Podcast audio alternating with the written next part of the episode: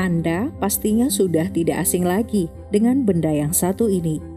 Keramik atau dalam bahasa Yunaninya keramikos memiliki peran yang amat penting dalam setiap lini kehidupan manusia. Sudah sejak masa prasejarah hingga kini, keramik kerap digunakan dalam segala urusan, mulai dari wadah di dapur, hiasan di ruang tamu, sampai pelengkap upacara pada bangunan keagamaan.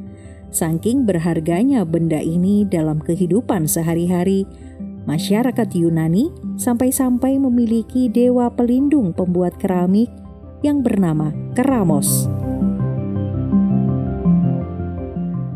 Keberadaan keramik di Nusantara tentunya tidak dapat terlepas dari perdagangan internasional. Keramik-keramik dari India, Cina, Vietnam, Thailand, Jepang, Timur Tengah hingga Eropa ditukarkan dengan rempah-rempah. Dari hasil sebaran pecahan-pecahan keramik yang ditemukan, para ahli cenderung beranggapan bahwa keramik yang paling digemari oleh masyarakat Indonesia adalah yang berasal dari Tiongkok.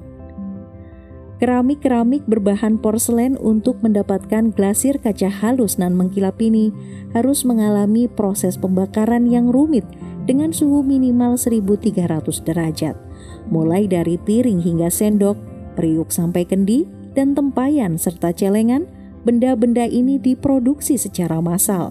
Hanya saja kini posisinya mulai tergantikan dengan adanya produk plastik yang meskipun tahan lama dan anti pecah, tapi berdampak buruk bagi lingkungan dan penghuninya.